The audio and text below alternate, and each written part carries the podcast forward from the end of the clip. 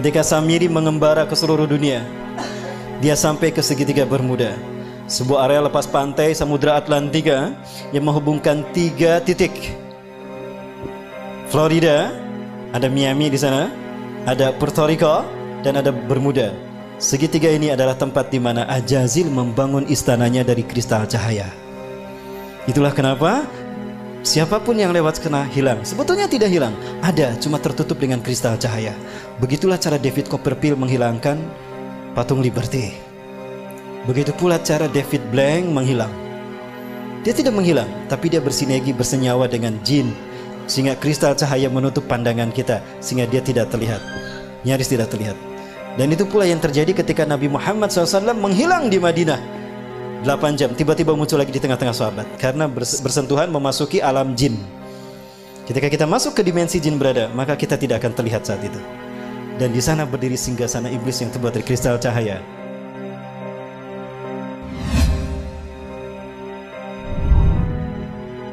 Mereka bergerak menguasai dunia dalam tiga ranah, simbol, ritual, dan arsitektur. Tiga ranah ini mereka sentuh. Kata kunci kita api dan matahari. Ya, tadi dikatakan karena engkau telah menghukum aku tersesat, aku akan sesatkan manusia dari jalanmu yang lurus. Dari suratul mustaqim. Artinya akan ada sosok lain yang disembah selain kau. Itu adalah dewa matahari dan dia berhasil. Di zaman Nabi Ibrahim, dia menjadikan Raja Namrud sebagai dewa matahari. Betul? Lihat Nabi Ibrahim. Oh ini bintang Tuhanku. Begitu menghilang, oh bukan. Oh ini bulan besar. Ini Tuhanku, oh bulan. Bukan. Berarti bulan bukan Tuhan. Oh ini matahari lebih besar. Tapi matahari pun tenggelam. Oh berarti bukan Tuhan. Itu apa maksudnya? Nabi Ibrahim untuk menunjukkan kalau bulan, bintang dan matahari bukan Tuhan. Itu hanya benda langit tanda kekuasaan Allah. Allah lah Tuhan kita. Artinya konsep penyembahan kepada Tuhan sebagai dewa matahari sudah ada sejak zaman Nabi Ibrahim. Berhasil Ajazil. Ibadah Persia Iran ya kaum Zoroaster menyembah dewa matahari Raja yang mereka sembah adalah Dewa Matahari, Ahura Mazda. Penyebar pemuka agama Zoroaster disebut Megi. Cara mereka mendakwahkan Zoroaster, Megi ini dengan cara sihir, magic. Ke dalam bahasa Arab menggunakan sin, jadi majusi. Maka ketika mereka merayakan hari besar mereka, mereka selalu menyalakan merson. Maka ketika umat Islam merayakan pergantian tahun baru Masehi, saat itu mereka disesatkan tiga agama. Ingat, tahun Masehi dibuat oleh seorang biarawan Katolik Dionysius Exiguus. Dia adalah biarawan Katolik yang ditugaskan oleh Vatikan untuk membuat penanggalan Masehi yang titik tolaknya Natal. Maka dibuatkanlah penanggalan tahun Masehi yang diberi nama kemudian Anno Domini. Tahu apa arti Anno Domini? Tahun Anno Domini artinya tahun Tuhan kita. Kita Romawi. Siapa Tuhan Romawi? Yesus Kristus. Berarti tahun Anno Domini adalah tahun Yesus Kristus. Lalu dirayakan pergantian tahunnya oleh umat Islam. Apakah umat Islam tidak murtad? Satu ketika umat Islam euforia menggantikan merayakan pergantian tahun Masehi, saat itu mereka itiba kepada kaum Nasrani. Lalu mereka merayakan dengan meniup trompet. Lihat Yahudi. Mereka merayakan hari besar mereka dengan meniup trompet. Betul? Saat itu pun Yahudi diikuti oleh kaum muslimin. Dan kemudian mereka merayakan Murzon. Maka di saat itulah mereka lengkap sekali. Disesatkan tiga agama. Nasrani Yahudi tiup trompet, Nasrani menyambut tahun baru, Majusi merayakan menyalakan mer Murzon. Ada yang ikutan syahadat lagi. Ibadah Nah, baik, saya perjelas. Yunani, negara penyembah dewa matahari, dan dewa matahari mereka namakan Helios. Bahkan mereka membuat Heliopolis kota dewa matahari. Yunani ketika mereka merayakan hari besar mereka menyembah dewa Helios, mereka melakukannya dengan pawai obor keliling negeri. Pawai obor keliling negeri. Dan puncaknya di bukit Olympus di sebuah lampangan besar mereka menyalakan obor raksasa. Dinyalakanlah obor besar tadi obor besar. Selama obor besar itu menyala di Bukit Olympus, kaum paganis eh, Yunani mereka merayakan penyembahan dewa Helios dengan melakukan berbagai macam atraksi. Ritual ini sampai hari ini dipertahankan dan itu bernama Olimpiade. Sekali lagi, Zionis Yahudi menyesatkan kita dalam tiga ranah. Simbol, ritual, dan arsitektur. Sudah terwujud? tingkat dunia Olimpiade, tingkat benua ASEAN Games, tingkat nasional PON, tingkat daerah Porda. Iba pilar makulah. Dewa di Itali Roma, Dewa Mitra. Lihat ini Dewa Mitra sama dengan Liberty. Ada matahari di kepalanya. Patung Liberty pegang apa? Obor kan. Berubah tidak? Tidak. Inilah yang dikatakan iblis. Fabima akhwatani ila aku dan alhum siratakal mustaqim. Karena aku telah menghukum aku tersesat. Aku akan halangi mereka dari tauhid. Artinya akan ada sosok lain yang disembah selain engkau. Siapa? Dewa matahari. Siapa dewa matahari? Matahari adalah unsurnya api kan? Dan siapa yang Allah ciptakan dari api? Jadi siapa dewa matahari itu? Ajajil. Tapi dia tidak terlihat.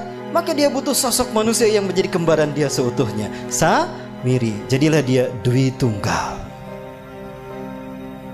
Siapa pun yang mengangkat tangannya seperti berarti dia komitmen kepada iblis dan dajjal. Baik di Amerika Latin, Amerika Selatan ada tiga suku bangsa menyembah dewa matahari. Suku Aztec di Meksiko menyembah Viracocha. Suku Inca menyembah dewa Inti di Brazil. Suku Maya menyembah dewa Kukulcan di Amerika Latin. Ya. Dan di Mesir ada Horus dewa matahari. Dan Horus selalu digambarkan dengan kepala burung. Kenapa? Ketika Tuhan turun ke bumi selalu menggunakan burung dan burung adalah simbol singgasana tinggi, maka siapa pun yang menjadikan burung sebagai simbolnya, maka dia merdeka akan merdeka abadi. Maka jadilah burung simbol kemerdekaan setiap. Kebetulan atau sesuatu yang sudah direncanakan? Apakah ini hanya begitu saja kebetulan? Bukankah iblis sudah berkata, Aku akan sesatkan mereka dari jalanmu yang lurus dari tauhid segitiga satu mata. Ingat?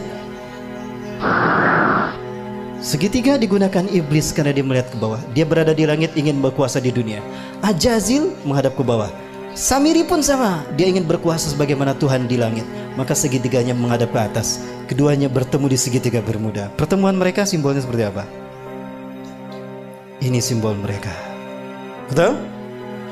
Dari sinilah filosofi pertemuan iblis dan dajjal yang kalau disimbolkan dengan tangan seperti ini. Dan ini angka 11 dan kembar itulah WTC 911 menggeser nama keberadaan Tuhan. Kecelakaan kecelakaan. Call 911 call 911 Tuhannya hilang.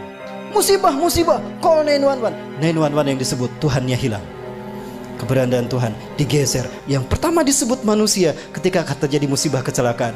911. 9 tambah 1 1 berapa? 11.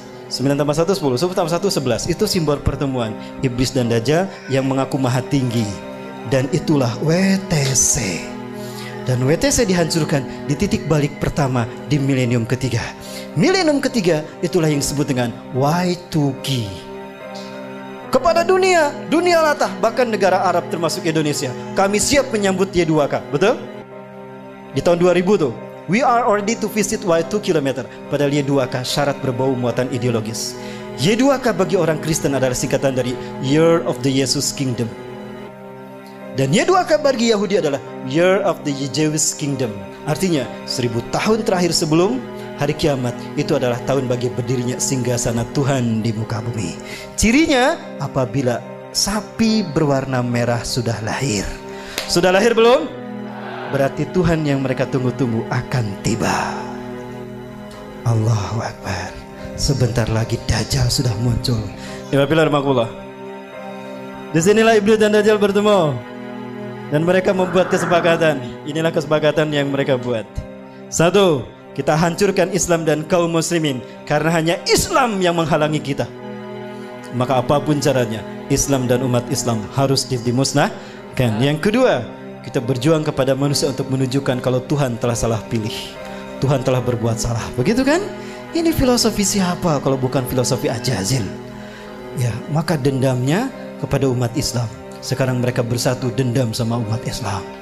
Ketika Samiri mengembara ke seluruh dunia, dia sampai ke segitiga Bermuda, sebuah area lepas pantai Samudra Atlantika yang menghubungkan tiga titik. Florida, ada Miami di sana, ada Puerto Rico, dan ada Bermuda. Segitiga ini adalah tempat di mana Ajazil membangun istananya dari kristal cahaya. Itulah kenapa Siapa pun yang lewat kena hilang. Sebetulnya tidak hilang, ada, cuma tertutup dengan kristal cahaya. Begitulah cara David Copperfield menghilangkan patung Liberty. Begitu pula cara David Blank menghilang. Dia tidak menghilang, tapi dia bersinergi bersenyawa dengan jin sehingga kristal cahaya menutup pandangan kita sehingga dia tidak terlihat. Nyaris tidak terlihat. Dan itu pula yang terjadi ketika Nabi Muhammad SAW menghilang di Madinah 8 jam tiba-tiba muncul lagi di tengah-tengah sahabat karena bersentuhan memasuki alam jin. Ketika kita masuk ke dimensi jin berada, maka kita tidak akan terlihat saat itu. Dan di sana berdiri singgasana iblis yang terbuat dari kristal cahaya. Nah, di pertemuan itu, Ajajil sangat gembira ketika Samiri datang.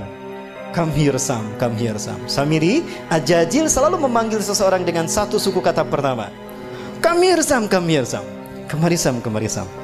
Apa kata Ajazil? Di hadapan pengikutnya Ajazil berkata, Hari ini adalah hari yang aku tunggu-tunggu sejak Allah menurunkan aku dari surga ke dunia. Di mana aku dipertemukan dengan saudara kembarku.